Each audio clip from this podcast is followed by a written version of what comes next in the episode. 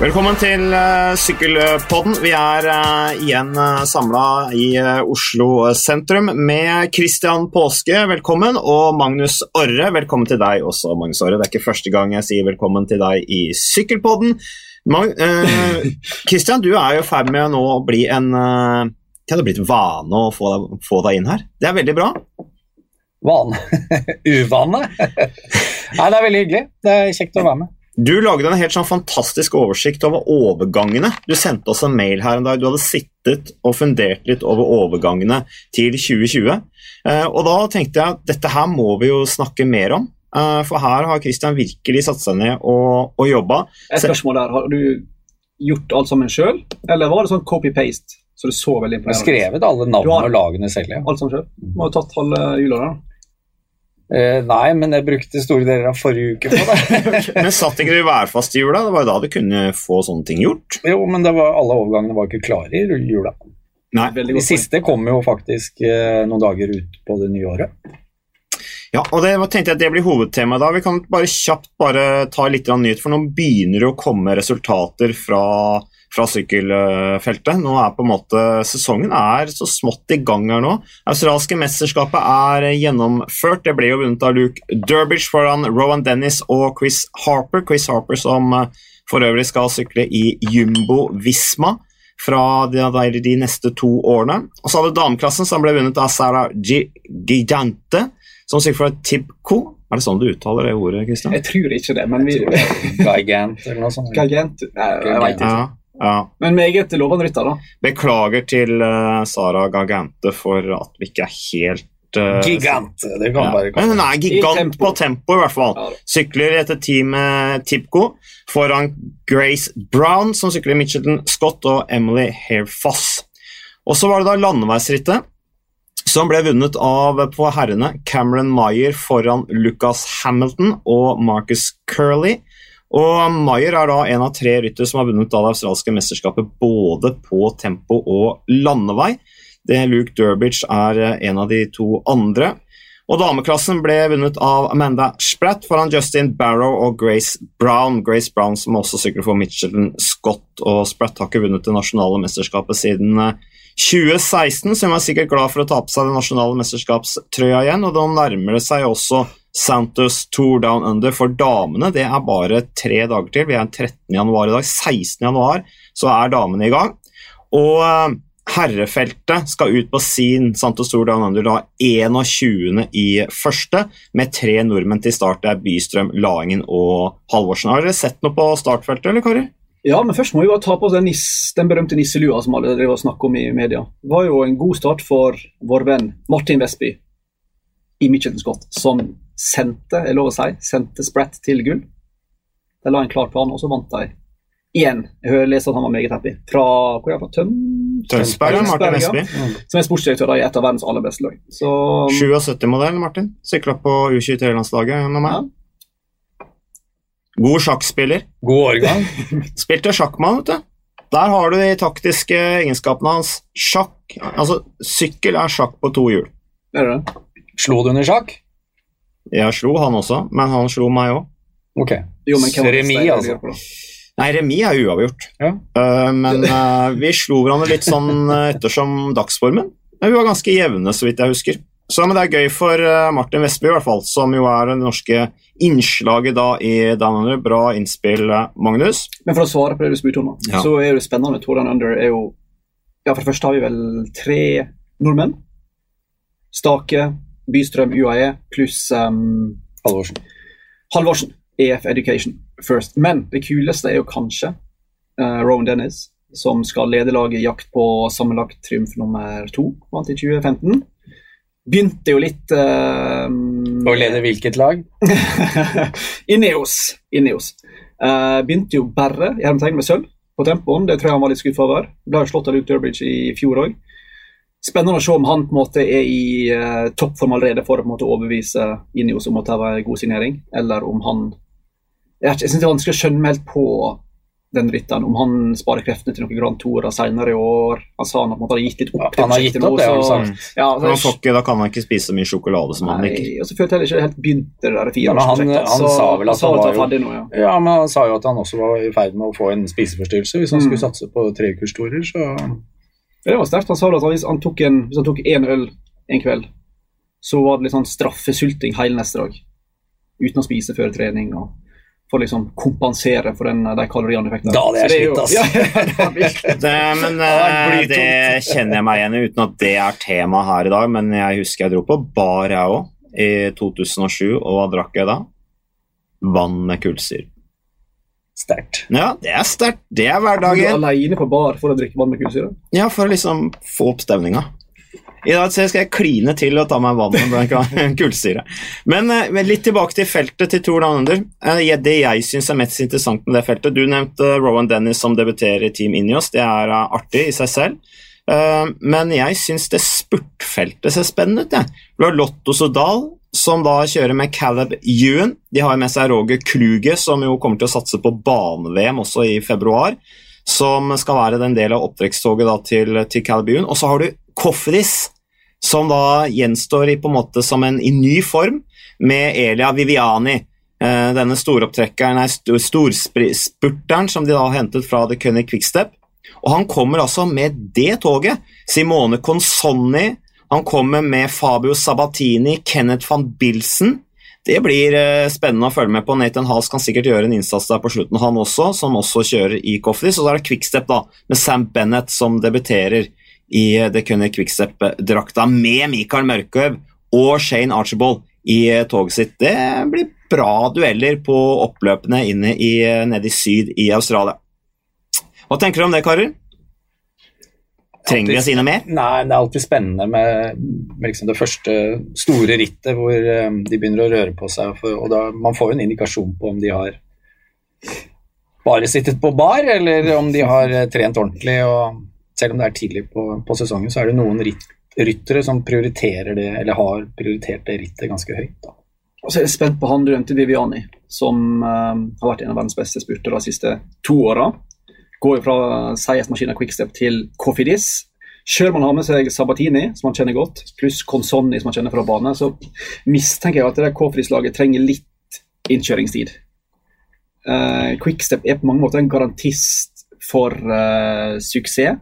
Viviane er en type som trenger et opptrekk. Han er ikke en typen som bare hopper fra hjul til hjul og liksom bare vinner à la Robin McEwan eller ja, Caleb Ewan for den saks skyld. Så jeg tipper at Sam Bennett vinner den duellen i Under, hvis vi tar dueller mellom eh, nå Quickstep Bennett og tidligere Quickstep eh, Viviani. Jeg er enig i det. Jeg tror han vinner også når Viviani har uh, fått innkjørt opptrekket sitt. Så god tror jeg. Da er det gjerne for seint når det opptrekket er innkjørt. Da har de allerede gått glipp av mye muligheter. De beste er ganske rett på ballen når det gjelder opptrekk. Altså. De har det bare i ryggraden. Man kan snakke så mye man vil om det å trene og øve på opptrekk, men det blir aldri det samme som i en rittsituasjon hvor det er impulsene, det er erfaringa, det er noe med hvordan de stoler på hverandre som er, er det viktigste. Men jeg føler på at Vivian er litt svak på egen hånd. Altså Kanskje toppfarta er liksom litt sånn eh, Cipollini-ish, men jeg føler han trenger liksom hjelp for å komme seg i posisjoner. En som trenger veldig masse hjelp for å komme seg i posisjon, er jo André Greipel. Ja, han er jo som, som da stilles til start for eh, Israel Startup Nation. Det er jo Ja. et kult navn, men eh, ja. Med Rick Sabel. Ja, men hvorfor har jeg henta André Greipel? Det kan vi sikkert snakke mer om senere. Er en ny mentorrolle, tipper jeg. altså.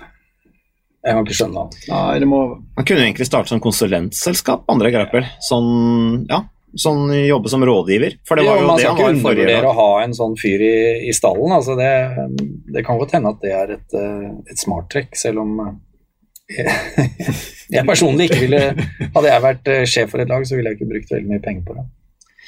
Ellers så Når det gjelder sammendraget, så har du Patrick Bevan som jo veltet ut av ledertrøya i fjor. Du kommenterte dette rittet midt på natta i fjor, Christian. Det var jo nettopp derfor du ble spurt, fordi at ifølge min far så har du lakenstrekk. Har du eh, Strekk. Skrekk, mener jeg. Du har, du har også sånn strekklaken, men du har skrekk for å bruke de. Eh, er det tilfellet ennå, eller har du liksom kommet litt over den der lakenskrekken? Nei, den eh, lever i beste velgående. Så jeg skulle gjerne hatt rettighetene på Down Under, som vi dessverre ikke har i år, eh, sånn at jeg hadde sluppet å gå og legge meg. Ja, men det, sånn er det ikke. George Bennett stiller også for Team Jumbo Visma. De har store forventninger til han etter at han har operert ut tre ribbein. George Bennett. Som ja, eh, tre brusk. Jeg tror, jeg, han har fjernet Nei, ribbeina. det er vel Å fjerne brukne ribbein, det er lett, min venn. men det er det som gjør det, da. Sånne influensere for å se for å få smalere midje. Og En del sånne Ja, ja. Kardashian-type Ja, ja. ting. Men jeg tror ikke vi er der, Jeg tror ikke han er der. Nei, men Har ikke du gjort det sjøl? Jeg er bare så tynn. så. Men jeg tror han har fjerna tre sånne åtte centimeter lange de kaller det pinner med brusk, som blir liggende som en slags ribbein. Så han har slitt med dette her i veldig mange år. Det utrolig irriterende å skulle konkurrere på toppen. Sting, Og så, ja, ja, kraftig sting med en gang Ja. han går over sånn, er det 80-90 senere av intensitet. Mm. Hvis jeg får sting på joggetur, så stopper jeg jo, da. Så Da gir jeg meg. ja, ja, da er det ferdig. Men får dere fremdeles mye hold? Fra, Er ikke det som å vokse fra seg? nei, det tror jeg Nei, det, ja, det er mulig, men eh, jeg tror fortsatt det er sånn at hvis du Den er klassisk med hvis du spiser for tett opp Ja, til trening, opp til. så Den er lasagne rett før joggetur, det har prøvd ganger. Den er, da får du alltid på venstre side. Ja. Nei, det må dere lære dere, karer. Dere må ikke spise så tungt før dere drar ut og jogger. Ellers er det interessant å se på, ja, eh, angående spurtere, bare for å avslutte feltet til Torland Under, som jo eh, altså begynner den 21. Eh, Giacomo Nisolo er jo også en spennende rytter for eh, NTT. Kjører da sammen med Rasmus Tiller i det laget. Skal bli spennende å se der. Og så er det også noe litt morsomt synes jeg, med det Uni SA Australia-laget som eh, kom med Sam Wellsford, som jo er verdensmester i eh, Omnium og en skikkelig råtass på banen. Vant jo også nettopp det australske kriteriummesterskapet. Så eh, det blir fyr og flamme på oppløpet, tror jeg, med mye gode spurtere og mange unge, sultne australiere til start. Men hvor vi har, vi har ikke Rasmus Fossum Tiller til start. Han står på startlista mi, i hvert fall. Men det er mulig, det. Jeg ser han står på en del provis, hva det heter, Ja, provisoriske det er mulig, det er- men jeg kan ikke huske det sjøl heller. Han Vi nevnte jo bare tre. Ja, vi Ja, gjorde vi det. gjorde det. Men uh, jeg ser han står her, så da tenkte jeg da kan jeg Det jo gjør det jo enda mer interessant, det. Ja, fire nordmenn til Australia. Australia det er jo det fineste sykkelløpet som er på hele året. Det er Tour Down Under. Så det er, Det er det ikke. Jo, det er det. Nei, det er det er så behagelig å være med på. Rytterne reiser ned der tidlig, kanskje rett etter nyttår. Noen har vært der før òg. reiste ned allerede i jula. Bo på Hilton hotell i, uh, i Adelaide. Kjempebra. Du snakker som rytter, ja. Ja, som okay. rytter. Det er fantastisk. Bortsett fra at det er ekstremt varmt, da. Det er uh, utfordringa. Men det er så varmt at eh, du kommer hjem med denne høydeeffekten. da. Fordi sant, du lærer på en måte, du venner deg til å sykle ut med mindre oksygen til farsi, på en måte. Det er veldig sånn enkelt uh, ritt å har tilskuer på. Da. Jeg var der som tilskuer i 2010, tror jeg var. Da Peter Saga debuterte som proff og gikk i brudd med Lance og Oscar Pereiro Sio i de kriteriumsrittet dagene før. Mm. Men det er overlegent ritt, for du har på en måte en sånn her base i Adelaide, og der starter alt. Og det er sånn her svært sånn telt der du kan gå og spise litt og snakke litt med rytterne og sånn. Og så er det mange lag som kommer dit med gjorde iallfall det før, husker jeg. De kommer jo til rittet i januar med gammelt utstyr. Så hvis du har lyst til å kjøpe deg proff ramme, proff sykkel, dra til Tour Under. Det koster litt å fly ned i dag. Men, men da jeg husker jeg fikk tilbud om å kjøpe Jonathan Castrobiejo sin sykkel. for etter da jeg skulle Orbea, jeg tror han sykla på Euskaltel det året. Da skulle bytte ut måtte, fra februar. Hadde litt sånn gamle altså fjorårsmodeller. Så du kan kjøpe Castrobiejo sin sykkel med liksom inngravert Castrobiejo. da. Eh, for jeg tror jeg fikk tilbud om 25 000 kroner. Altså det vil si ca. ja, en fjerdedel av prisen. da. Brukt ett år. Den kunne du kjøpe. Jeg var på backpacking, så jeg følte ikke det å kjøpe liksom en, en racersykkel var greia. Men hvis dere vil gå på et eh, kupp januar, Januarsalget er meget sterkt i Tordane. Det er bare gå landslaget og selge alt mulig. Da vet man det. Men jeg kjøpte ikke det og angra den da. Januarsalg, altså? Ja, januarsalg. Nei, men sånn backpacker, så kjøper du ikke en Rådige proff. Nei, ikke sant. Da kan du bare slutte å være backpacker. Altså. Jeg skulle gjort det. Så, men uh, over til noe annet. Hvordan ser egentlig lagene ut uh, før nå ny sesong for alvor nærmer seg? Altså, hvem er vinnerne på overgangsmarkedet? Eh, har dere noen eh, favoritter på overgangsmarkedet? Christian, du som har sittet her og jobba iherdig med dette time etter time, satt opp systematisk. eh, hva, hva er dine første inntrykk av overgangsmarkedet før, eller før 2020? Ja, si det. Egentlig så er jo dette noe vi burde ta året etter. Ja. Altså vinnerne på papiret Mm. jo, men altså, det har jo, Man kjøper jo, eller henter jo ryttere, får man håpe, da. For å oppnå noe. Altså, eller bygge opp noe, eller forsterke noe. Eh, og så kan man jo da hente en rytter eksempel, som ikke har noen store resultater, men som bak resultatene gjør en fantastisk jobb for alle andre. Så Det er litt sånn trikk i det der. Um, men det er jo noen, eh, først og fremst er det jo noen veldig store navn som har flytta på seg. Eller skal vi først ta hvor mange ryttere? Det er veldig mange ryttere. Mm. Det er altså en tredjedel omtrent av, um, av feltet som har flytta på seg. Helt absurd. Jeg skjønner jo at folk blir Ja, det, forvirra det er vanvittig, altså. Og det vil jo i snitt da si rundt ti ryttere per lag uh, inn-ut. Mm. Um, men, eh, men det som er eh, altså Tom de Molay, det visste vi jo lenge. eh, men skal jo nå kjøre da for Jumbo Visma eh, og forlater et eh, Sunweb-lag som eh, i mine øyne eh, bygger helt nytt. eh, og går litt tilbake til der de egentlig var for noen år siden, når de ikke hadde satset på, på Grand Tours. Jeg føler et lag som alltid bygger for framtida, men aldri kommer til nåtida. da.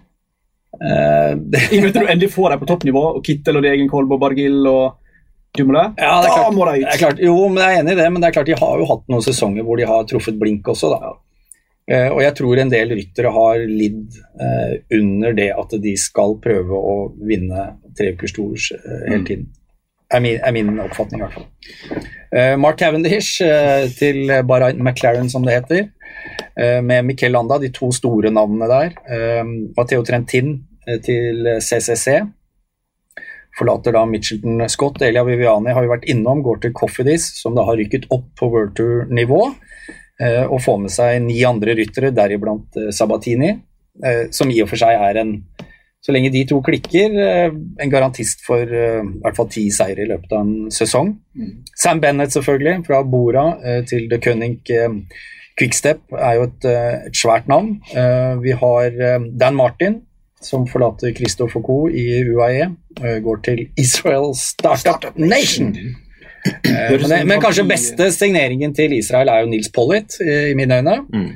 Uh, Philip Gilbert eh, forlater The Cunning Quickstep uh, og kommer til Lotto Sodal sammen med Degenkolb. Farlig duo. Veldig. Um, unnskyld.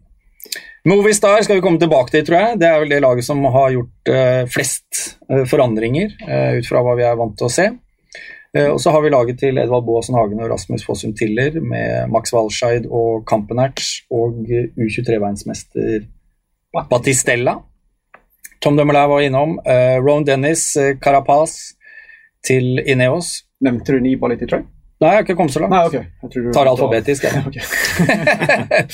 uh, Amador kommer kanskje den veien også, det vil jo tiden vise. Sunweb uh, de, de signerer altså uh, De har ti nye ryttere.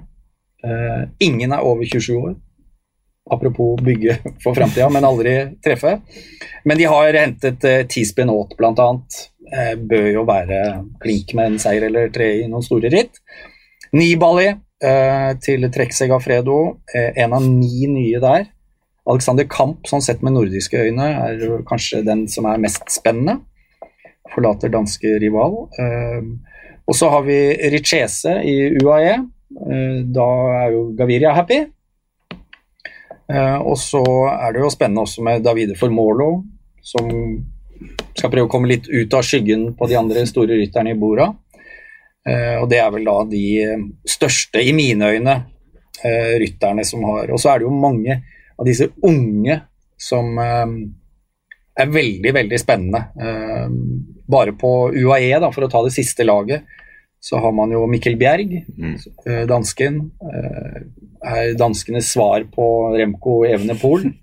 Har vært helt rå på tempo. Hvis han kan begynne å kjøre bra i felt også, som han har vist tegn til, så kan han bli helt vanvittig. Alessandro Covi, eh, en strålende eh, klatrer fra Italia. Eh, og så er det disse colombianerne. De har jo også da skrevet kontrakt med en, en ung rytter, bare 20 år gammel, Ardila.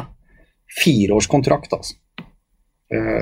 Og det samme har jo Ineos gjort med med Carlos Rodriguez. Takk skal du ha. 18 år. Som er, spa, som er spanjol. Han er spanjol. Spanjol, ja. Mm, ja. men det Men de har hentet uh, Rivera, som eh, også er en ganske ung rytter og, og spennende. Ikke sant? Ja. Det er eh, fem norske Nei, det er fem førsteårsproffer fra Colombia uh, inn i World Touren i eh, 2020. Så det blir eh, spennende å se. Det er, sånn, eh, det er jo ikke så rart at lagene ser til Colombia når vi ser hvor bra de eh, har prestert i det siste, og ikke minst hvor bra de presterer fra første året som, som proffer. Det virker som de peaker sånn fem-seks år før andre syklister. Nesten. At de ofte går i en kort periode ganske tidlig, og så er det ganske mange som dabber av. da. Uten at det Men det du spurte om, var jo vinnere og tapere. Det er jo Jeg glemte hva jeg spurte om. Ja, men det er jo Nei. ofte er jo fryktelig vanskelig. Jeg mener jo kanskje at eh, Jumbo Visma er vinnerne. Helt enig. Mm. De, de gjør altså bare fire forandringer. Fire inn, fire ut. Tom de Molay, Tobias Foss, vår egen Tobias Foss. Og så er det Fingsten fra Bora Hansgrohe, som er en bra uh, Allround. allround-rytter. Eh, og så er det Chris Harper, 25 år gammel, fra et eh, i mine øyne ukjent kontinentallag som heter Bridge Lane. Men han er ganske god å klatre og brukbar på tempo. Så, og de, greia er at de hadde 51 seire i 2019, Jumbo Visma. Og det gjør de så få forandringer. Det er ikke sånn at de mister noen av de som haia inn 15 seire. Altså Danny van Popper, Floris de Tier, eh, Nelson Paules kjørte jo veldig bra i Spania rundt. Går til EF. Um, eh, og Dan Oliver eh, eh, legger opp. Mm. Så det er jo sånn at de beholder egentlig alle de som har vunnet ritt for dem. Mm. Og så får de inn Tom Dumoulin og Tobias Foss som de to mest spennende, da. De finpusser. når det gjelder Det er taper, allerede. når taperne, så er jeg litt usikker. Derfor så hadde det vært mye enklere hvis vi kunne sitte med fasiten etter et år. Men, men Movistar mister jo et hav av ryttere. Kan være genialt. Masse unge ryttere inn. Og mer Kan være internasjonalt eh, preg over det også, syns jeg. da. Med Movistar syns det ser mer internasjonal ut enn på lenge. Det skal bli spennende å se hvordan de styrer det. Hente inn uh, to av disse gutta som er veldig gode på bane også, Movistar. Uh, men vi var inne på, du var inne på et Jo, men ikke sant? Det er jo, og det er det jo flere som har, en del av disse banerytterne. Hva skal de med det? Jo, men de får du i er hvert fall ikke brukt Jo, de er, kan være gode, men det er, du får ikke brukt de før i september. Her er det åpenbart at Movistar, altså telefonbedrifter, har lyst å skaffe seg litt uh, positiv omtale i Tokyo, når de tar sannsynligvis medalje. vil jeg tro. I hvert fall Ja, Ja, det Mora, er det ikke det? Som, eh, Sebastian Mora og ja. Albert Torres, Ja, det er de to, da. det er et sånt par, men de, de mislykkes ganske ofte òg. De er gode, Ja da. eh, men det er ikke de Men største ikke- favorittene til å vinne OL. De har. Altså. sykla på andre landeveislag i Cajaral og rundt om. Det har ikke tilført noe som helst.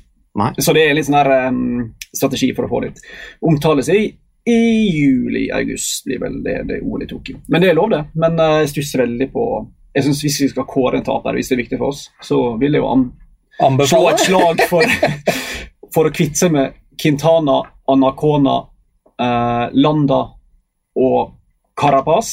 Og bytte det inn med Henrik Mas, Matheo Jorgensen Han er jo for så vidt god, da, men Johan Jacobs, Juri Holman, Inigo Elossigi eh, Sergio Samitier, er helt OK hjelperytter. Det samme er for så vidt Vilella og Catallo. men det er en påfallende nedgradering. Det er jeg helt enig i. Men så, så har de liksom ukjente ryttere som, i hvert fall for den store hopen, uh, Rubio fra Colombia, Ja. kan jo liksom Du vet jo aldri med disse colombianerne. Ja, det det, kan være kanoner. Alba og Rubio, hvis det Ja. funker, kan være gull verdt i ti år. sant? Plutselig. Men hvor mye påvirker det Movistar nå at de har denne konflikten med denne, denne her agenten vi har prata veldig mye om? Altså, Hvordan påvirker det Movistar-laget nå når han sitter på så mye søramerikansk gull som han har tilført Movistar, som Movistar da dessverre mister videre til særlig Ineos? Nå vil de ikke jobbe med han mer, Aquadro som han heter. Hvor mye påvirker det rekrutteringa deres, tror du? Det ødelegger ca. 60% Du mista Carapaz, Amador, Oscar Rodriguez som gikk til Astana. Han som vant en fjelletappe i Vueltaen i forfjor. Mistet de tre rytterne. Jeg hørte at Imanol Erbiti ble Oscar Rodriguez. Ja.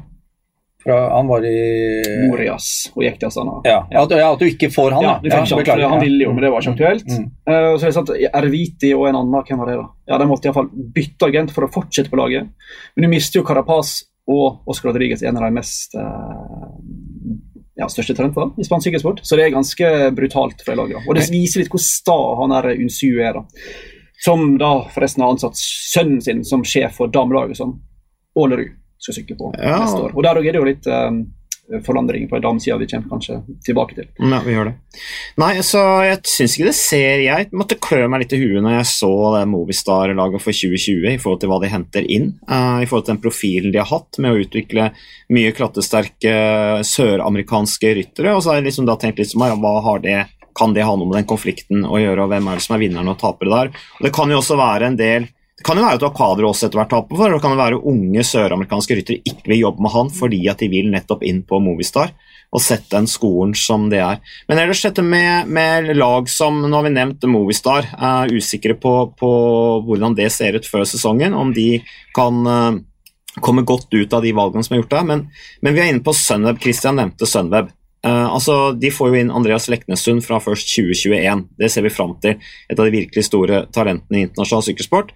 Men jeg syns jo Sunweb fremdeles, og i enda større grad enn tidligere, ser ut som et utviklingslag. Altså, Snittalderen det nevnte du, Christian, snittalderen på de ti rytterne som skal inn, den er 21 år. Snittalderen på de sju som skal ut, er 29. Og i 2020 er snittalderen i Team Sunweb den er 24,8 år. Den er ned 2,2 år fra 2019, hvor snittalderen var 26,6. De vant bare ni ritt i fjor, og de mister sin mest suksessrike rytter, som er Tom Dumoulin, som har vunnet 21 ritt for det laget. Og Hvis du ser på snittet, nå har gått gjennom snittalderen på alle World Tour-lagene, eh, og da Sunweb har altså en snittalder da på 24,8 år i 2020. Eh, De hadde 26 i, i 26,6 i 2019. 24,8 i 2020. Eh, Og hvis du da ser nest, nest yngste lag, det er The Quistep, de har da en snittalder på 27,1. Sånn at altså, mellom det, Og så er det da det eldste laget, det er Bore Hansgrohe, de har 29 år. Så hvis du da tar The Quistep, så er nest, nest yngste laget, og bordet hans, Hansgrohe, så er det altså der er altså forskjellen 27,1 og 29 år. Og så har du da Sunweb og bordet hans, Hansgrohe, som da er 4,2 års forskjell. Det er ganske vesentlig Jeg tror jeg blir 14 ja, ja, det blir mye regning her. Jeg skal ikke dra ja, jeg skal ikke dra all den statistikken her, da. Men Sunweb er så til de grader det yngste laget. Eh, og hvordan i all verden tør de å, å opprettholde en sånn strategi? Jeg syns det er fantastisk jeg, at noen tør å gå så hardt ut med unge ryttere. Eh, de har da Nils Eckhoff, som egentlig vant i manges øyne eh, U23-VM. Og kan fortsatt vinne hvis Kas plutselig bestemmer seg for å Ja, saken ligger der, ja. Det ligger der ja. Eh, Dainese, ita Ja, italiener. ja. Signert om sju dager i uka. Hva? Ja, Ikke sant? Meget bra rytter. Ja, ja. Eh, van Wilder. Meget, bare 19 år gammel. meget bra rytter. kan bli eh, en superhit. Og det at de da får hentet han fra U23-laget til Lotto Sodal, tyder jo på at de har eh, en Mm. plan. eller Hvis ikke så ville jo han gått et annet sted, eh, i mine øyne. Eh, og, og så har de fortsatt Michael Matthews. Og hvis han har lidd under dette her satsingen på treukersritt, så er jo han, eh, tar jo han alene eh, flere seire enn det de tok i 2019. Ja, Mark Donovan, god rytter. Det henter mange gode ryttere, altså. Så og i Sam Aamen og Wilko Kellermann skal da lede sammenlagt eh, Skal vi si Ikke vinner Han skal lede ambisjonene deres da, i sammendraget. Det er to veldig usikre kort. Men hvis Kellermann, som er et vidunderlig talent, ikke velter, kan han bli kanon. Hvis Sam Aamen er bra igjen etter skaden i fjor, fantastisk talent. Altså det kan, det som du sier, det er å vurdere nå, for det kan bli kjempebra, og det kan bli Jo, men de, de vil jo liksom flytte fokuset nå fra disse store etapperittene til klassikerne, til å gå for etapper. Mm. Uh, og det er klart, det, er, det legger et litt mindre press, uh, sånn som jeg ser det, da, på de unge rytterne. Når de, hvis de får sjansen f.eks. i en, et treukersritt, så, eller et ukesritt for den saks skyld, hvor de går etter etappeseire, så har de liksom fire-fem muligheter. mm. Det er ikke sånn at du mister all selvtillit bare fordi du ikke treffer på første. Nei, så kanskje vil det være løsdrivende eller frigjørende for de at uh, Tom Dummel er ute av laget. Kanskje kan det være hele nøkkelen til å få den unge gjengen til å prestere best mulig. Kanskje blir det for mye press på et så ungt lag med en så stor stjerne som Tom Dummel når de sykler sammen med han. Men, men det har jo også Sunweb eh, sportsdirektørene sagt, uh, og ledelsen der, at det har kostet enormt med ressurser for dem. Uh, og at det sikkert da har uh, gått noen ryttere i, i elva pga. det. Så Derfor så er vi spent på å se om disse ungfrøa blomstrer i 2020. Veldig. En rytter de helt sikkert kommer til å savne, i tillegg til Tom Dumoulin selvfølgelig, er jo Lennart Kemna. Mm. Han er en bra rytter, og som da har gått til uh, bordet Hansgrohe. og styrker jo det laget til Peter Sagan veldig. Ja, og det er jo definitivt et tap for uh, Sunweb. Ja, absolutt. Å, miste en så talentfull rytter som var topp ti på etapper i, knallharde etapper i Tour de France. Så, men ellers, vi var litt inne på NTT eh, og overganger der. Eh, en av de store snakkisene med NTT det er jo en, en annen overgang på toppen. Bjarne Riis som eh, kommer inn i eh, laget, og det skaper en voldsom debatt i eh, internasjonal sykkelsport rundt Bjarne Riis. Um, hvordan, hvordan, er prosessen der? For det er jo ikke sånn ikke Folk sier ja, men kan man ikke, det skulle ikke vært lov, han burde vært utestengt. Det er, det er de som er negative, sier det. ikke sant? Men Bjarne Riis har jo kommet inn der, og han har kjøpt seg inn i laget. Så det er jo ikke noe sånn Det er jo ikke, det er jo ikke NTT som ansetter han. Han kommer jo inn der og på en måte kupper en posisjon i laget, og viser jo bare hvilken enorm lyst Bjarne Riis har til å jo, ha en posisjon i prosyklinga. Altså, de kunne sagt nei. De kunne sagt nei. Ja, jo, det kunne de. Men de trenger nok, de trenger nok, jo, de trenger nok pengene. Mm. Ja, det er akkurat det vi snakka om forrige uke. Og i nøden spiser jo fanden fluer. Sånn er Kjøpte en tredjedel, var det det? Så jeg, jeg tolker jo sånt her uten å vite det, at de da har et behov for penger, ja. Uh, men ser du Jeg liker den debatten som blusser opp sånn veldig sporadisk uh, når uh, eks-dopere fortsetter i sykkelsporten. For noen, noen, diskusjoner tar vi hver gang, og de aller fleste tar vi aldri, egentlig. Mm. Um, hvis du ser gjennom alle lagene i det som heter World Tour, så er vel på stående fot vil jeg tippe at 80% kanskje av lagene har ja, en ekstoper Ja, en i en støttepersonellstilling. Ja. Det kryr av de. Ja, det kryr. Vino Korov er jo et eksempel. Ja, det er jo Manager i Astana. Ja, ja, tidligere, altså, Der er det jo òg en lege og en sportsdirektør. Altså, det er jo, der er det jo veldig mange igjen. Men at vi liksom Jeg skal ikke mene så mye om det, for jeg tipper vi kommer til å dekke en del redaksjonelt utover våren med Bjarne Riis. Men det, det, er litt sånn gøy hvor vilkårlig det er hvem som får Hei, holde deg utafor, mens de aller fleste bare får et sånt fripass til å ja, men jeg, jeg, tror dette handler mye om, hvis vi skal se på oss i Norge, da, mm. eh, at det kommer mye nærmere, ikke sant. Altså, vi skjønner Vi snakker nesten samme språk. Vi var en samlet nasjon, det er riktignok noen år siden. Mm. Men, eh, jo, men jeg tror det handler mye om det. Eh, eh og så var han liksom Eh, såpass eh, omdiskutert eh, også da han ledet sitt forrige lag, hvor i altså, CCC og Saxo. Saxo. Nei, CSC. CSC, ja. dette andre laget CCC. Ja. og Saxo Bank, og så ble det Tinkoff Saxo. Og så er det jo ikke sånn at det, og Der har det vært mange dopere der òg, altså som ryttere. Så, så Bjarne Riis har jo på e, altså, ikke klart på en måte å rydde opp heller. Eh, men så har han eh, Nå var det han innrømmet i 2007 at han hadde dopet seg. Så han har jo liksom vært der hele tiden. Eh, og det er jo ikke sånn at han gjør comeback. Han gjør comeback på øverste nivå, ja, men han har hele tiden vært det. Han har jo drevet et sykkellag i Danmark, både for kvinner og menn. Ja, Team Virtu, og, et av verdens absolutt beste kvinnelag også. Virtu, som dessverre ble lagt ned etter forrige sesong, men bl.a. Bastianelli, ikke sant? som var en av de jentene som vant mest i fjor, og vant de største ritta. Hvor også Moberg og, og Ålerud var. Ja. Eh, så vi har jo hatt nordmenn innom det laget der, og ikke, det er jo ikke noen indikasjoner på at det var doping der. Nei, men hvis vi snur det tror jeg mange hjemme sitter og tenker på da, når de ser at Riis er tilbake liksom, som toppsjef. Altså, Han har innrømt eh, det han skulle, holdt på å si, og, og sona si straff, vi skal bruke det ordet. da. Og jeg tror alle er enige om at da har du lov til å fortsette i, i jobben. Det er jo sånn, sånn reglene er. Men Mats, hvis, hva slags, her kommer Dimension Data inn, det er jo ikke et nytt lag lenger, men de kom inn som et litt frisk pust, med andre ambisjoner med fokus på å utvikle afrikanske ryttere.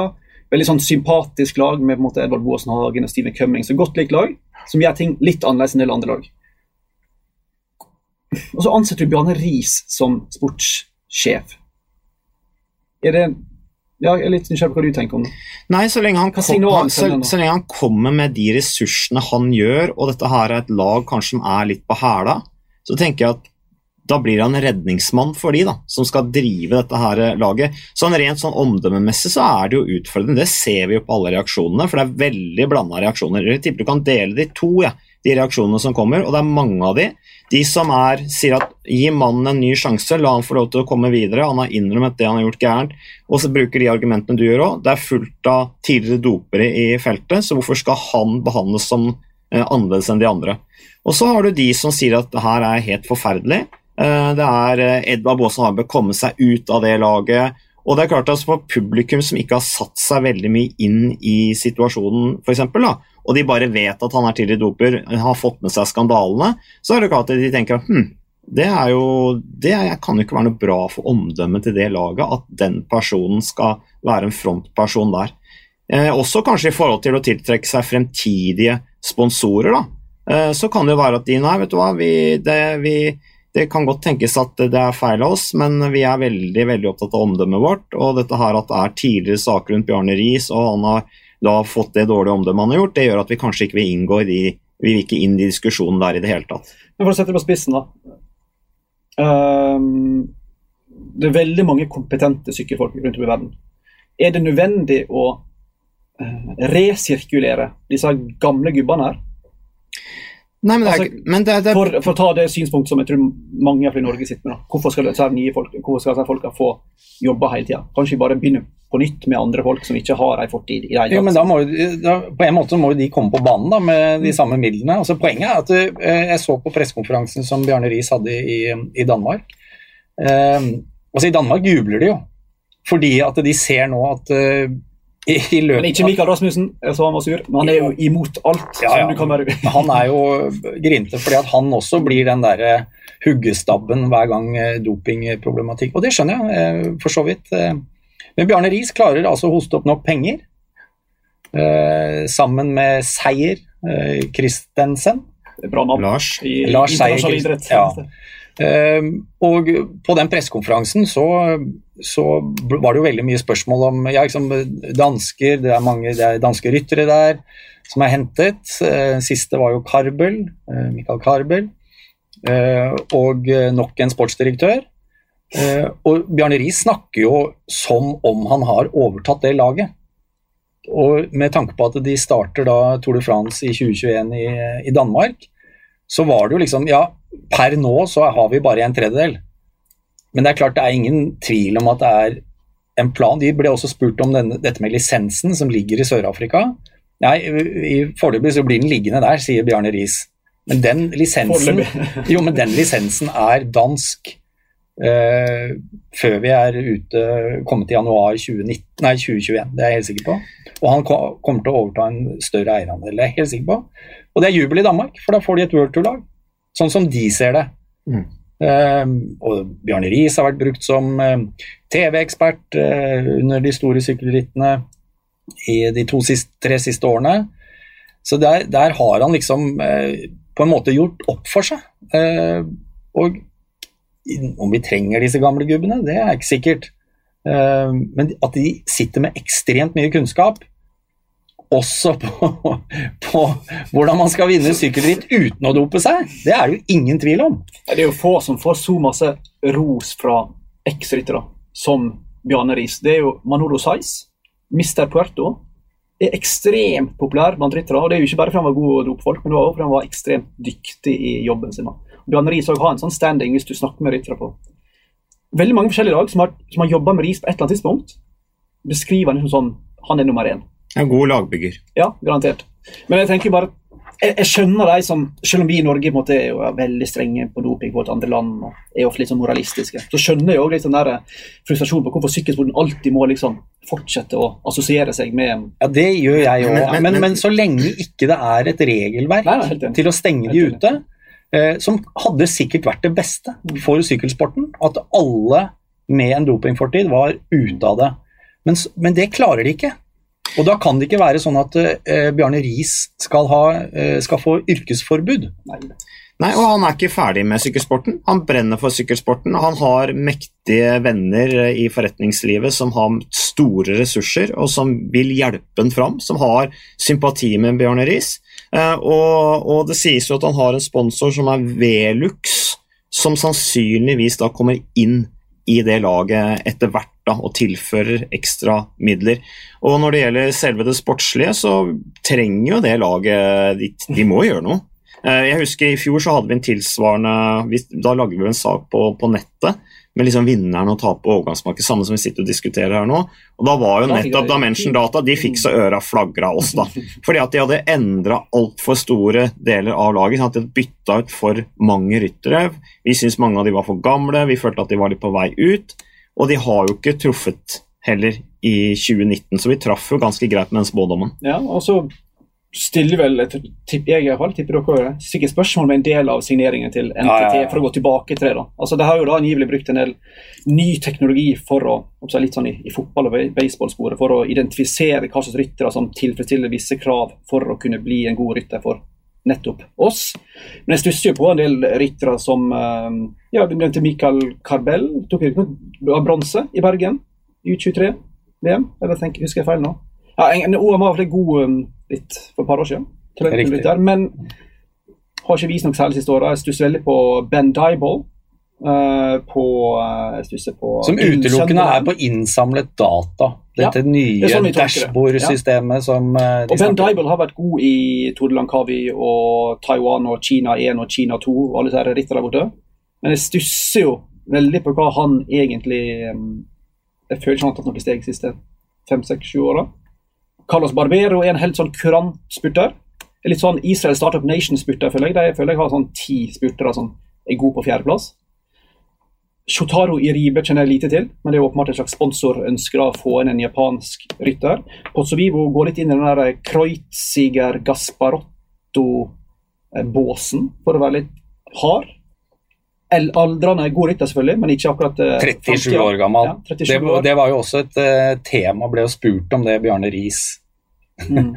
hvor, hvor, har dere, hvor, lenge har dere liksom snakket sammen med tanke på at uh, Bjarne Riis har hatt noen påvirkning på de rytterne de har signert?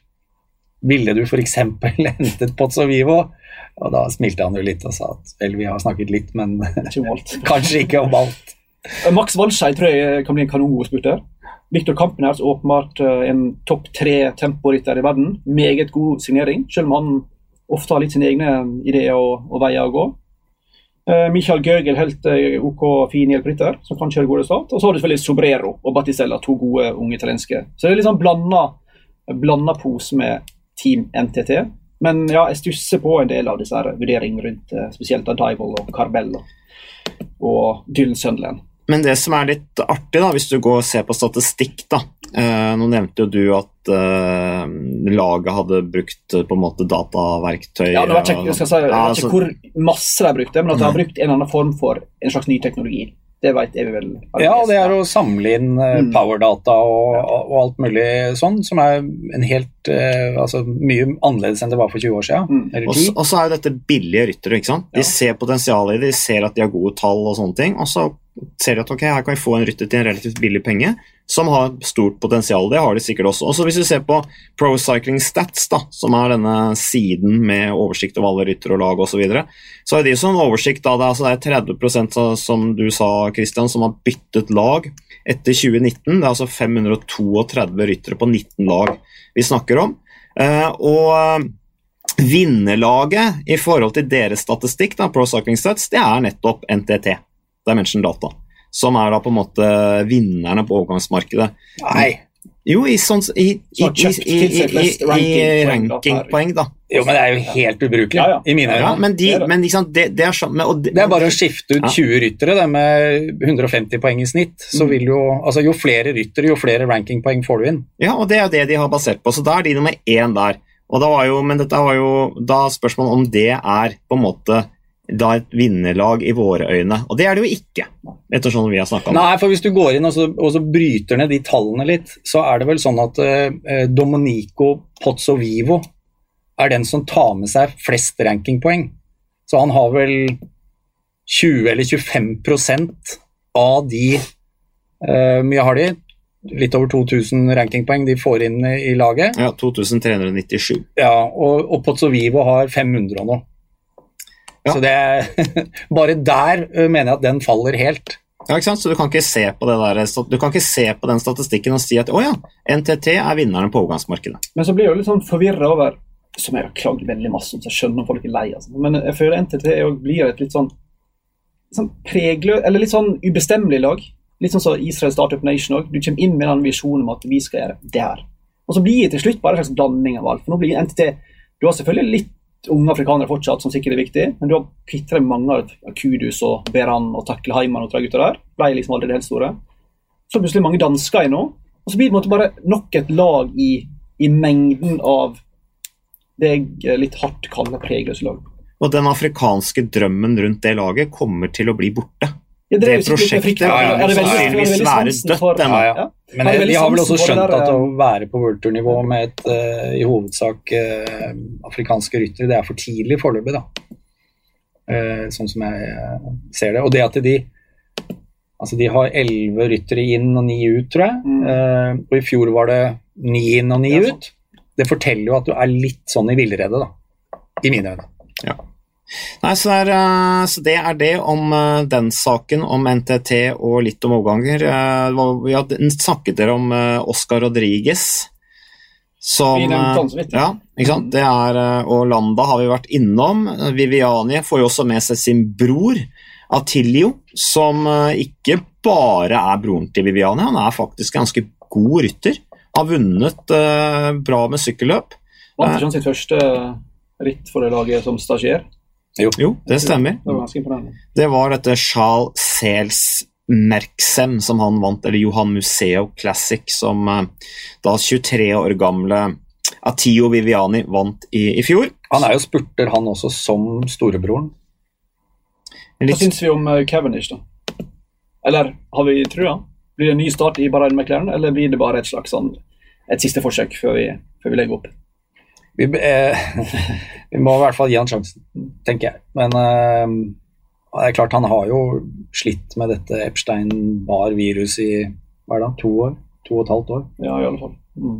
Så eh, hvis han er sykdomsfri, og, og så må vi jo ikke glemme at det er hentet inn en, eh, en kar i kulissene i Barain McLaren som, Hovedsigneringa, kanskje. jo, men som har hatt enorm suksess i Sky og um, Ineos med Ellingworth. Rod Ellingworth, ja. Så eh, han eh, har jobbet veldig tett med, med nettopp eh, Cavendish, så det blir spennende å se om han, han De trenger jo å bli tilført uh, kunnskap i det laget når det går på fysiologi og trening og oppfølging av rytterne osv. Så, videre.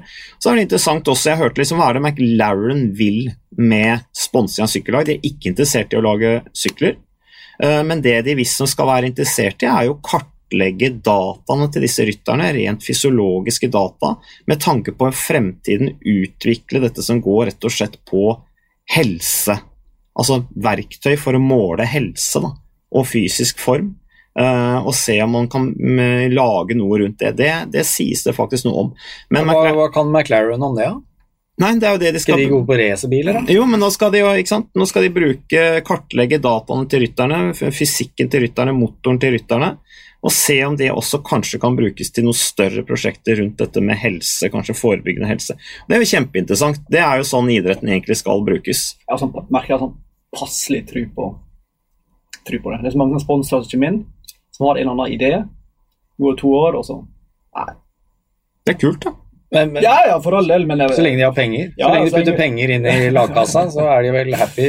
Og det har de nok av i eh, McLaren, og ikke minst uh, mange, bare mange spennende ryttere. Du henter selvfølgelig inn Mikael Landa, som er innom, som skal lede Tour de France-laget. Får med seg kanskje Wout Pools, mindre han skal til Giron. Du har en Rafael Weiss som er god klatrer når han er i form. Du har en Peo Bilbao, en av de beste hjelperytterne i, i bransjen.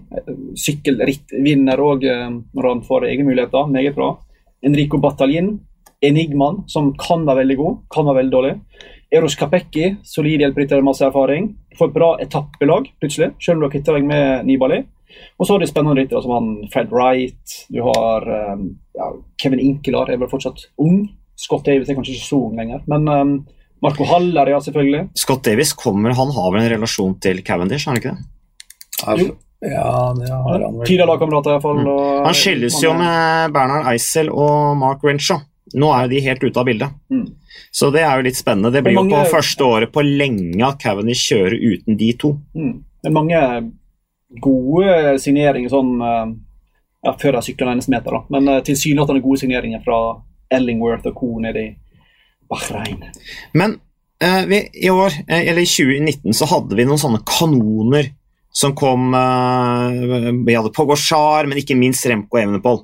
Med noen helt utrolige prestasjoner som vi aldri hadde trodd vi skulle se fra så unge ryttere, særlig Remco Evenepool. Fullstendig uten, eh, uten respekt. Jeg tror du vet hvor du vil. Hvem blir Ja, årets hvem rekordløper? blir årets Remco Evenepool? For nå er det jo litt sånn i feltet at ja, vi bare hopper over det U23-greiene sånn, tar de rett fra junior, signerer de, og så satser vi på at de har så stor motor og en helt ekstrem syke eller mentalitet som gjør at dette fikser de.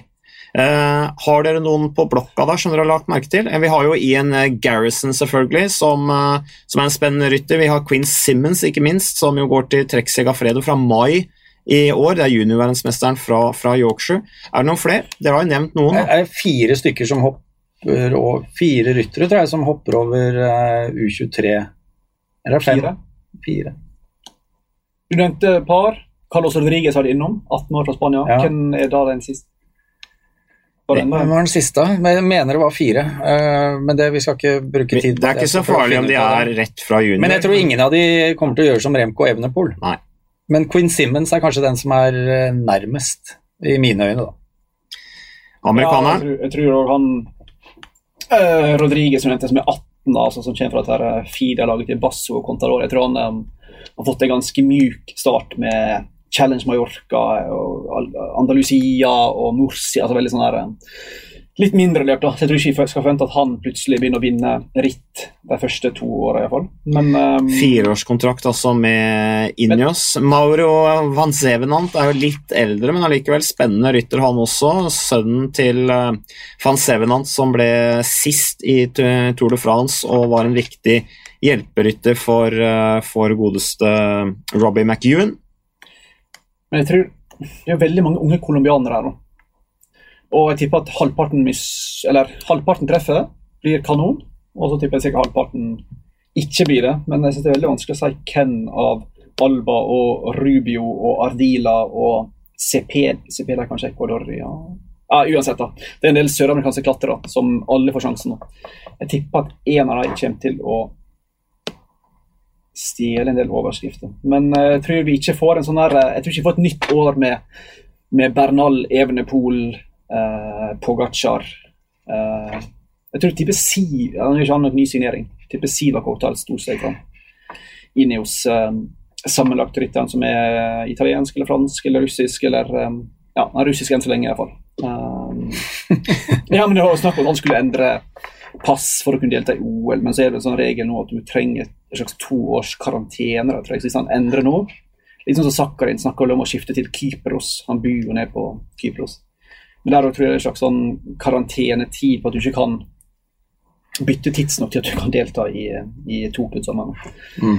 Men, jeg, jeg, jeg tror, men eh, de er jo da redd for å ikke kunne få delta i Tokyo pga. Mm. av uh, utestengelsen. Men hele poenget er at om de deltar for, med russisk drakt eller Ja. OAR, altså Olympic Athletic of Russia, jo så tror jeg ikke de bryr seg om det. Nei, ironisk er jo at Sakharin, som har en dopingdom, men som så vidt jeg har fått med meg, jeg skal ikke si det 100 men jeg tror ikke han er omfattet av McLaren-rapporten, han kan altså få sykle i Rio som en tidligere doper, mens en haug med folk som er litt sånn løselig tilknyttet nevnt i et eller annet dokument, synes ikke får sykle.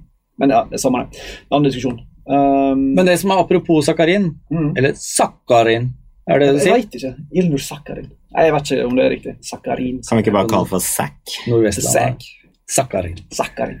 Eh, Det er jo da Han har jo gått til CCC, altså laget til Greg van Avermaet. Det var vel det laget som hadde færrest seire i Jeg 2019. lurer på om det stemmer. Seks, Seks stykker eller- bare.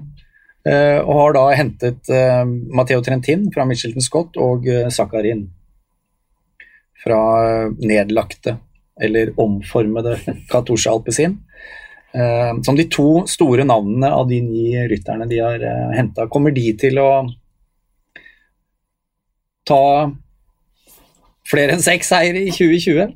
Trentin tar vel seks alene fort. Jeg jeg. er veldig spent på van Avermaet Trentin. Altså, det syns jeg er en utrolig bra duo. Litt sånn Gilbert. I klassikerne kan det Ja. bli ordentlig guffent for at- eh, konkurrentene. Altså. Og Trentin er ikke lenger en, han er ikke en, en massespurter. Han er, som de ofte blir, disse rytterne, han utvikler seg mer og mer til en, en klassikerrytter. Han Aldri vært en eh, massespurter. Nei, men han har vært ganske bra. Du husker hvordan han herja i Spania rundt for noen år siden. ikke sant? Vant eh, fem etapper, vant siste etappen i Madrid. Han hadde i hvert fall potensial til å gå den veien, eh, men han mangler jo punchen, eh, eksplosiviteten, til å, å gjøre det helt store. Men så har vel jeg sagt at Sakarin Sakarin At han skal gå litt vekk fra det der fokuset på sammenlagt og heller jakte etappeseiere i de store trehjulsrittene. Bakketrøye, bakketrøyetappeseiere tror jeg Så har du en Fausto Masnada som er kommet inn her, som er Spennende. en god italiensrytter. Og så har du et par rare litt sånn Han Zimmermann fra Tyskland er, eh, er også veldig spennende. For han og han Walter er ganske Attila, han som mange vil huske som bada i elva i Yorkshire. Han var en av de som, Attila Walter. som sklei var det 20-25 meter nedover mot en Den- Når det regna sånn, ja. Men så har du et par sånn Kamil Maleski og Mikael Palota og Kochetkov, litt sånne her sponsorinspirerte signeringer som ikke begeistrer så veldig mange andre enn akkurat sponsoren, tror jeg. Nei. Men sånn er det. De skal begeistres, de sånn også. det er. Men de har styrka laget, da. Hvis du ser på de som er borte med Lorentz Tendam, som har, eh, har lagt opp, og Soydel og Ovsia mm, fra Polen. Uh, Antunes Portugal og, og Bernas. Pavel Bernas fra Polen også. Så de har jo helt klart et bedre lag enn de hadde i fjor. Men dere, la oss uh, skifte kjønn. Altså, jeg, det var ikke sånn Det sier ikke at vi skal skifte Alle tre, kjønn. eller? Ja. eller gå over til et nytt kjønn. Uh, damene. Det er altså åtte topplag for, uh, for eh, som har UCI, Women's World Teams, i 2020. Eh, det er altså eh, Al BTC Lubiana, det er Canyon SRAM, det er eh, CCC Liv, eh, og så er det altså da med Utrup Ludvig, som da er FDJ, og ikke minst Stine Borgerli, som jo ikke kommer før årets sesong, men som gikk over til det laget underveis i 2019-sesongen. Så er det Mitchelton Scott, så er det Movistar og Sunweb og Trekk Segafredo. Det er altså åtte lag, og nå er det jo en gradvis sånn at disse største målet er å få flere World Tour damelag med minimumslønn osv. Vi ser jo også at disse store herrelagene også har damelag. Det er for så vidt en flott utvikling og et stor diskusjonsemne til hvordan løfte damesykling. Så har du Bo Lohlmann som jo fortsetter da på nivået under, og som er på vei ut av sporten. De går inn i sin siste sesong som, som sykkellag. Dessverre. Og så kan jeg bare nevne også Drops som har fått inn, Det er britisk lag som har fått inn Emilie Moberg og Elise Marie Olsen, begge fra Halden. Og selvfølgelig vårt eget Hightech Products med, med Vita Heine i, i spissen. Jeg skulle bare si, Apropos du spurte om hvem som blir liksom den nye Evenepool i 2020 på gutta. På Mm. damesida tror jeg det blir en som Boris Dolmans henta. Henta var én rytter før årets sesong. Det var vel high-tech. Rytteren Loneke Uneken. Meget lovende rytter. Uh, på et veldig bra lag, som ironisk nok da ikke er på, på toppnivå. Men så tror jeg du nevner også Moberg og Olsen. Det tror jeg er et bra lag å gå til. Han uh, Er det Bob Warren han heter? Han er sjefen i Drops. Har et rykte på seg for å være en skikkelig fyr som driver på et lite budsjett, men et ganske god kalender og skikkelige arbeidsforhold. Og Det har vel også en ambisjon om å bli World Tour fra med neste år, tror jeg han snakker om. For det kommer noen nye sponsorer som ikke er offentliggjort ennå. Så jeg tror det er ganske god Når Moberg først måtte bort fra Virtu, så tror jeg det er en ganske god deal. Og så får du med deg Halden-venninna. Og Det tror jeg absolutt er en grei plass å utvikle seg. Men det som er eh, spennende synes jeg med kvinnesykler, altså dette er jo nytt av året. Eh, at de lager en, en første, eller en eliteserie og en, eh, en førstedivisjon, på en måte. Og jeg tror jo UCI ikke trodde at det skulle være såpass mange lag som faktisk eh, tok den eh, økonomiske utfordringen det er. Med de, du, altså du må garantere en minstelønn, det må være noen forsikringer der. Arbeidsgiver og alt ting. Ja, altså som, så det er betydelig mer kostbart. Så at de fikk åtte lag opp i den eliteserien, eh, tror jeg det, UCI var litt sånn overrasket over. Fem Eh, var vel målet. altså. ja, ikke sant? Eh, og når det gjelder Bols Dolman, så, så søkte vel de, men de må, de må, sette, altså de må stille en garanti over fire år. Eh, og med da hovedsponsoren ut eh, etter 2020 i Bol Stolman, så, så, fikk jo ikke de eh, godkjent sin søknad. Eh, men den største snakkisen på kvinnesida i, i høst, og eh, nå også inntil for noen få dager siden, er jo i Parkhotell Falkenburg med storrytteren fra i fjor, Lorena Vibes, som tidlig i høst sa at hun ville ikke sykle på det laget, selv om hun hadde forlenget kontrakten ut 2020. Uh, jeg liker en stil med at du bare signerer forlengelse av kontrakter. Altså. Nei, forresten. Ikke sant? Det er en sånn kul greie. Men hun har... Fotballspillerstil. Høres sånn Injus det høres Movistar ut. Ja, men men er jo altså en kanonrytter. Jeg vet ikke hvor mange seier hun hadde i fjor. 10? Var det 15? Var det 15? Mest vinnende, i hvert fall. Ja. Um, og toppet vel rankingen også. Um, og Park Hotel ikke da opp i Eliteserien, um, men hun vil da bort har sikkert fått tilbud fra ja, Trekk og Movistar og Sunweb. Og, mm. uh, men det siste er jo at de er blitt enige om en avtale som er da hemmelig. Men som, som ikke er til fordel for noen, sier begge parter. Ut, går ut med. Vi har kommet til enighet, men, men vi sier kan ikke si hva det er. Og, men ingen har lyst på den enigheten. Så, men det, det, det, det greia er vel at hun skal sykle til ut juni? Eller første, Eller første juni, Første juni ja. for uh, Parkhotell Falkenburg. Det er vel sånn vi tolker det. Ja. To sykler i fire måneder. Altså. Og så um, er det sikkert over til et uh, annet lag. Men vi snakker litt om Sunweb. Uh, Susanne Andersen uh, sykler jo der, er en meget god mesterskapsrytter. Vi husker at hun ble sju i VM i Bergen, overrasket der på tross av den unge alderen. Hun har jo kontrakt med Sunweb ut året, men vi, året, men vi snakker litt om det liksom Sunweb, hva blir det på herresida? De, går de i riktig retning? Det kan bli spennende, ble vi enige om. De mister jo Sunweb på damesida, mister jo Lucinda Brandt, eh, som jo er kanskje deres egentlig beste rytter i, i 2019. Hun går over til Trek Segafredo eh, og kombinerer da det med Telenett Balois på sykkelklassida, fordi at Telenett sykler jo også på trekk, så da går det bra. Uh, der har de jo mista en veldig bra dame. Jeg tenker liksom, Sunweb sliter litt med å, å, å, holde på disse her stjernene sine. Det overrasker meg litt. Ja, og i hvert fall på guttesida. Jeg vet ikke om det er samme på jentesida, men på guttesida sier de bare masse at det handler, med, handler, om at det er litt vel rigid system. Hva det egentlig betyr i praksis, er litt uklart. Men jeg tror det er en del, en del greier da, med, med Ivan Spekenbrink og sjefene der. Jeg tror det er et ganske sånt rigid system, eh, på godt og vondt. og så blir en del store stjerner eh, forutsigbart nok litt slitne, litt lei av det. da. Og så virker det som det er veldig sånn her laget foran uh, stjerneholdning, som er veldig sunn og god, men det er ikke alle som passer inn. nå. Men på damesida har de jo mista Lucine Brann, meget god rytter, eh, både på cyclocross og landeveien. Men de har fortsatt en del veldig sånn Rivera, som var litt på gang gangen, uh, følte jeg, på seinsommeren. Hadde tung vårsesong, ja. men kom utover sesongen, så og det, det var bra. Og det er fortsatt liksom Florce Mackay, dama til van Barle, meget god rytter. Du har Lia Kurtzman, solid rytter. Så har du en del unge. Pfeiffer Georgie, stort talent. Vilma Olausson, som vi husker fra VM, var topp fem-ish. Ja, Kjempetalent fra Sverige. Og så Andersen, selvfølgelig. Og Juliette Labos, som jeg følte tok en del steg i fjor. Liane Lippert, ung tysk. Meget bra lag men, men, det blir spennende å følge Susanne Andersen hvert fall, mm. i det laget i 2019. Eh, Siste så, kontrakt så ja, 2020. Mm. Ja, 2020, selvfølgelig. Men er på utgående kontrakt, ja. Eh, så det, hun må jo gjøre et valg på et eller annet tidspunkt. og kanskje for å Hun har vel hatt, eller uttalt et ønske om å få kjøre for mer egne muligheter. Da. Ikke, hun har gjort en kjempejobb egentlig som en, eh, en, hjelperytter for de andre litt større og mer etablerte stjernene. Men nå er hun jo liksom kommet i den alderen hvor hun snart må mm. gjøre et uh, tøft valg, tror jeg. Ja. Eh, sikkert vært veldig bra å være på det laget som det første store laget, da. All respekt til high-tech Products. Ja, så Susanne Andersen er nok litt under press og forventes kanskje at hun skal ta litt mer ansvar osv. i forhold til at hun nå har fått noen år på seg og fått litt erfaring. Uh, Hightech Products, de uh... Apropos talent, forresten. Hun er uh, Koch, tysker.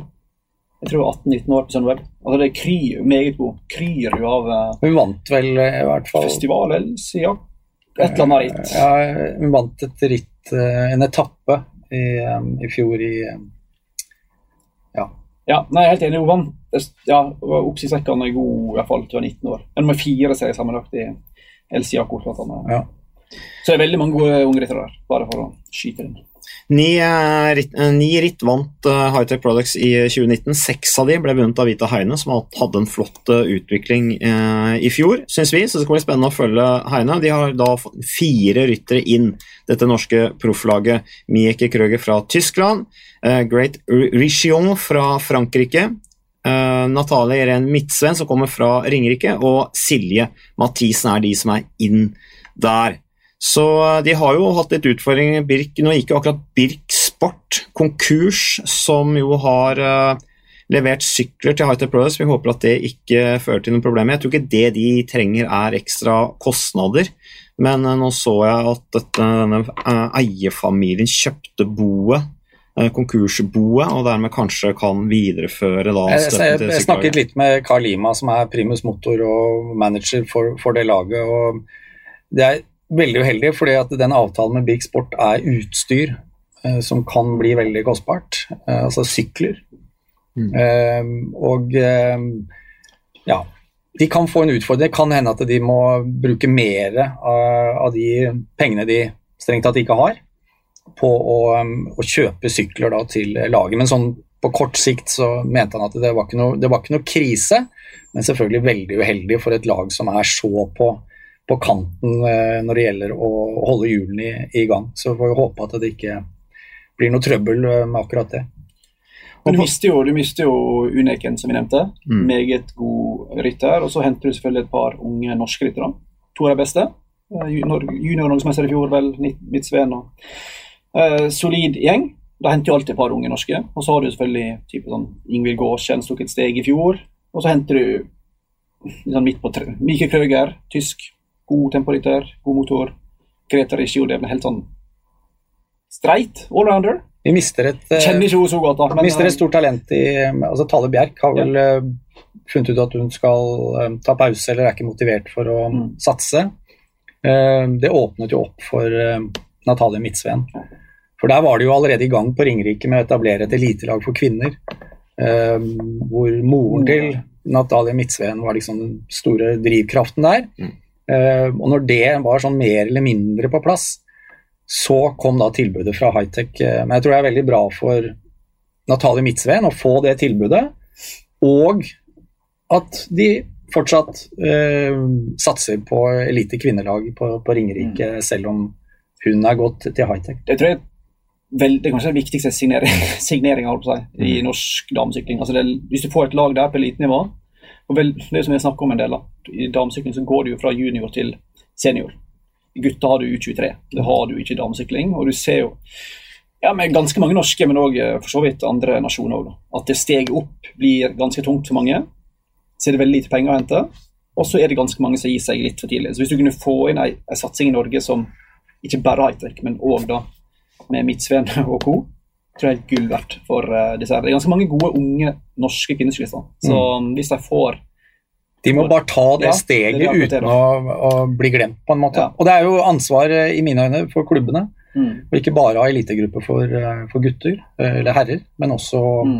ta vare på de kvinnene. For det har vært jobbet ganske bra på kvinnesida de siste årene.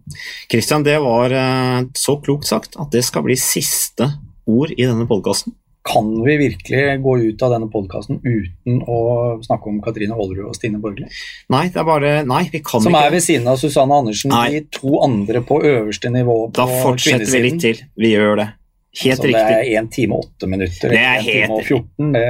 Folk som har hørt så lenge, har tydeligvis veldig lite å gjøre på. det er helt enig. Ja, ja, nei, så vi Get a life! Helt enig. Vi har jo ikke nevnt Fanfluten heller, og det er masse vi ikke har nevnt. Men Movistar signerte altså Katrine Aalerud for to år, eh, og som jeg var litt inne på, hun skal etter planen da kjøre Giro Rosa og OL, OL er jo ikke så hard løype for damene som det er for herrene, men de har jo sett potensialet hennes da. Unsoe, sønnen til høvdingen Unsoe som leder i herreklassen, han er sjef i damelaget. Han ser potensialet til, til Ålerud i klatringen. Hun har jo kjørt veldig bra i Giro Rosa tidligere. Kanskje kan dette bli det siste lille løftet som er, gjør at hun er med muligens å kjempe topp ti i, i, i det og, og om etappeseier. Men det virker som sønn Unsu er like forvirra som far. Det er litt sånn rare Du henter inn Uh, Jelena Eric, serbisk rytter. Du har colombianer, en italiener, du har en fransk jente, du har Aalrud. Du har åpenbart et ønske for å ekspandere liksom, ut av den spanske sekt, sekta. Spanske Smiths venner, eller? så du henter inn litt forskjellige ryttere, men så mister du liksom Mavi Garcia, som er en av beste spanske. Hun forsvant vel det Ali BTC City jubel Nei, hun forsvant bare ut da, til et annet lag. Det stusser jo litt på rekrutteringa til uh, familien uh, Unsue, men det er ganske kult at vi har en norsk rytter på Movistar. Det er liksom, og, og, og, kompis med Valverde, kan vi si da, hvis vi strekker det litt uh, langt. Ja, det, og det kuleste er jo at det virker som at uh, Katrine Aalerud er veldig happy med, mm. med, det byttet, eller det nye laget sitt. da. Hun, hun måtte jo også finne seg en, et nytt lag i og med at hun var på Virtu. Uh, og mener det er proft, det er bra opplegg. Uh, Kult å på CV-en. Altså. Jo, men også sett med norske øyne så er jo det det aller viktigste for mm. oss. At, uh, at, hun fortsetter å utvikle seg, slutter å skade seg, holder seg skadefri gjennom en hel sesong. Så kan jo det bli veldig bra. Og, og, sammen med hvis Stine Borgli fortsetter med sitt, sin utvikling, selv om hun er blitt en voksen dame, Eh, så har vi jo to som er ganske gode til å kjøre oppover. Mm. Og det kule er jo at selv om Movistar høres ut som et veldig stort lag, så er det ikke sånn at Ålerud går til et lag stappfullt av ryttere hun må jobbe for. Du har et par sånn spanskemesteren Oyarbid og Eidar Merino, og gode klatrere. Men hun kommer, til, fra det, hun blir. Ja, kommer til å få en del muligheter. da. Så hun går liksom ikke inn i en sånn hjelperytterrolle der hun bare må sitte og trykke. Så det kan bli, det kan bli kult så lenge hun holder seg på sykkelen. Det håper vi jo. Det har vært et problem i perioder. Det blir den første hele sesongen på Efter Sjø for, um, mm. for Stine Borgli, som også er uh, kjempespennende. Da har vi, Hvis de to og Susanne Andersen kan gjøre litt vei i vellinga, så får vi løftet uh, jo, men, fokuset og, på norsk kvinnesykling enda litt. Og Tenk på duoen Borgli og Utrup Ludvig, som ja. er sesongens store kupp på transfermarkedet. At Francede Sjø fikk tak i en så stor rytter fra Bilja, istedenfor å gå til Cecilie Stolmans eller Cecilie Utrubluga, altså sånne danskrytteren som alle er veldig glad i, virker det som, og som har en veldig sånn personlighet uh, som går uh, larger than life-personligheter. som gir en del uh, severdige intervju hun er jo knallsterk også, da, ja, uh, Utrup Ludvig. Uh, med måten hun uh, kjører mesterskap på og klatrer på i det hele tatt. Hun er en god allrounder, litt svak i spurten, men full av guts. Så det skal bli spennende å se på den duoen der, Borgerli og Utrup Ludvig. Og til forsvar for Movistar så mista de kanskje en av sine beste signeringer, Sofia Bertizzolo, til Hvor endte hun opp hen? Var det CCC, det? Hun som skulle signere, hun signerte for Movistar, og så var hun ansatt i det italienske politiet. Mm. Og så krasjer det med reglene med at du kan ikke være ansatt der og fulltidsansatt i et, et annet sted. selskap. Så alternativet da kunne hun blitt eh, jeg, selvstendig næringsdrivende i Movistar, men det har ikke lov til å være som idrettsutøver i Spania. Så alt en sånn perfekt storm av teknikaliteter som gjorde at hun ikke kunne signere likevel, selv om hun hadde signert, og endte opp da jeg mener det var CCC. Mm. Hun og Soraya Paladin, som en sånn italiensk duo som gikk til lag til Marianne Foss. Ja, Marianne Paladin, Foss. Paladin er også en kjempesignering. Ja. Men for Janne Foss hun eh, ble nummer fem i det nederlandske mesterskapet for eh, damer i sykkelcross uh, i helgen. Uh, og hun avbryter sesongen nå pga. at hun har uh, en sånn blodåre i klem i lysken som hun må Fabiaro? En tar en sånn Kvinnesyklingens ja. Fabiaro? Ja, eller uh, hun Ferrat Prevon uh, har jo også, er jo gjennom sin andre operasjon nå. Ja, det samme. Du begge beina i fjor, og så må du ta enda, enda lenger opp i lysken nå i Ferrat Prevon, som for øvrig har sagt at hun ikke kommer til å satse noe særlig mer på landevei. Det blir terrengsykling og sykkelcross hun kommer til å satse på i, i fremtiden. er jo tidligere verdensmester på, på landeveien, franske jenta. Verdensmester i alt, du? Ja, hun har vunnet alt. Samme, innenfor samme år. Sykkelcross, eh, terreng og landevei. Flyt. På peishylla hjemme der du, har du alle hendene sine, og så har du alle altså Tines terrengsyklist, er lov å si det, på mannen. Hva heter han? Nå står det helt stille der. Ah. Hun er jo som han franske legenden på BMC-syklene. Ja, der er jeg blank. Jeg, da må vi utvide til en time ja. og 20 minutter. Vi har en time. Nå er vi på en time. Absalon. Absalon. Absalon. Det var så skarpt, Magnus, at vi lar det være siste oh, innspill på Det er ikke hver dag du får avslutte sykkelpodden, Magnus. Nei, jeg merket at du bare sånn styrer sånn glatt unna. Er det legger til. å ja. til, Christian? Ja. Okay. Du føler deg ikke sett, du. Du føler litt sånn, sånn luft. Du stiller opp, kjører på, bidrar som bare det, og så ser jeg deg ikke avslutte. Nå er det ditt ord, Magnus. Nå kan du Hvis få ikke du gir deg nå, så finner vi på et nytt tema. Altså, Jo, men- Nei, men nå skal Magnus få avslutte. Men er du hjelperytter, så er du hjelperytter. Nei, men Nå skal du få lov til å avslutte sykkelpodden. Takk for meg. Tommestikk. Ja, nå var jo presset veldig stort her plutselig, da. Ehm, men vi kan vel konkludere med at de aller fleste norske har gjort gode valg. På papiret. Vi får se om et års tid, da. Men det er få jeg tenker norske ryttere, verken på damene eller herresida, som på en måte har gått sånn Å nei, gikk du til det laget? Jeg tror det blir veldig bra for de aller fleste. Og så tror jeg vi må bli enige om at du må eh, endre på hele overgangssystemet i sykkelsporten. Altså ha signering med når sesongen er ferdig, ikke midt i sesongen. Bare sur. Bare sur, masse fram og tilbake. Men et positivt overgangsvindu sett med norske øyne. Var det en godkjent uh, Veldig bra avslutning. Da takker jeg Kristian Påske og Magnus Aare for bidraget. Takk for at du lyttet på hele sendinga. Vi er uh, snart tilbake med mer.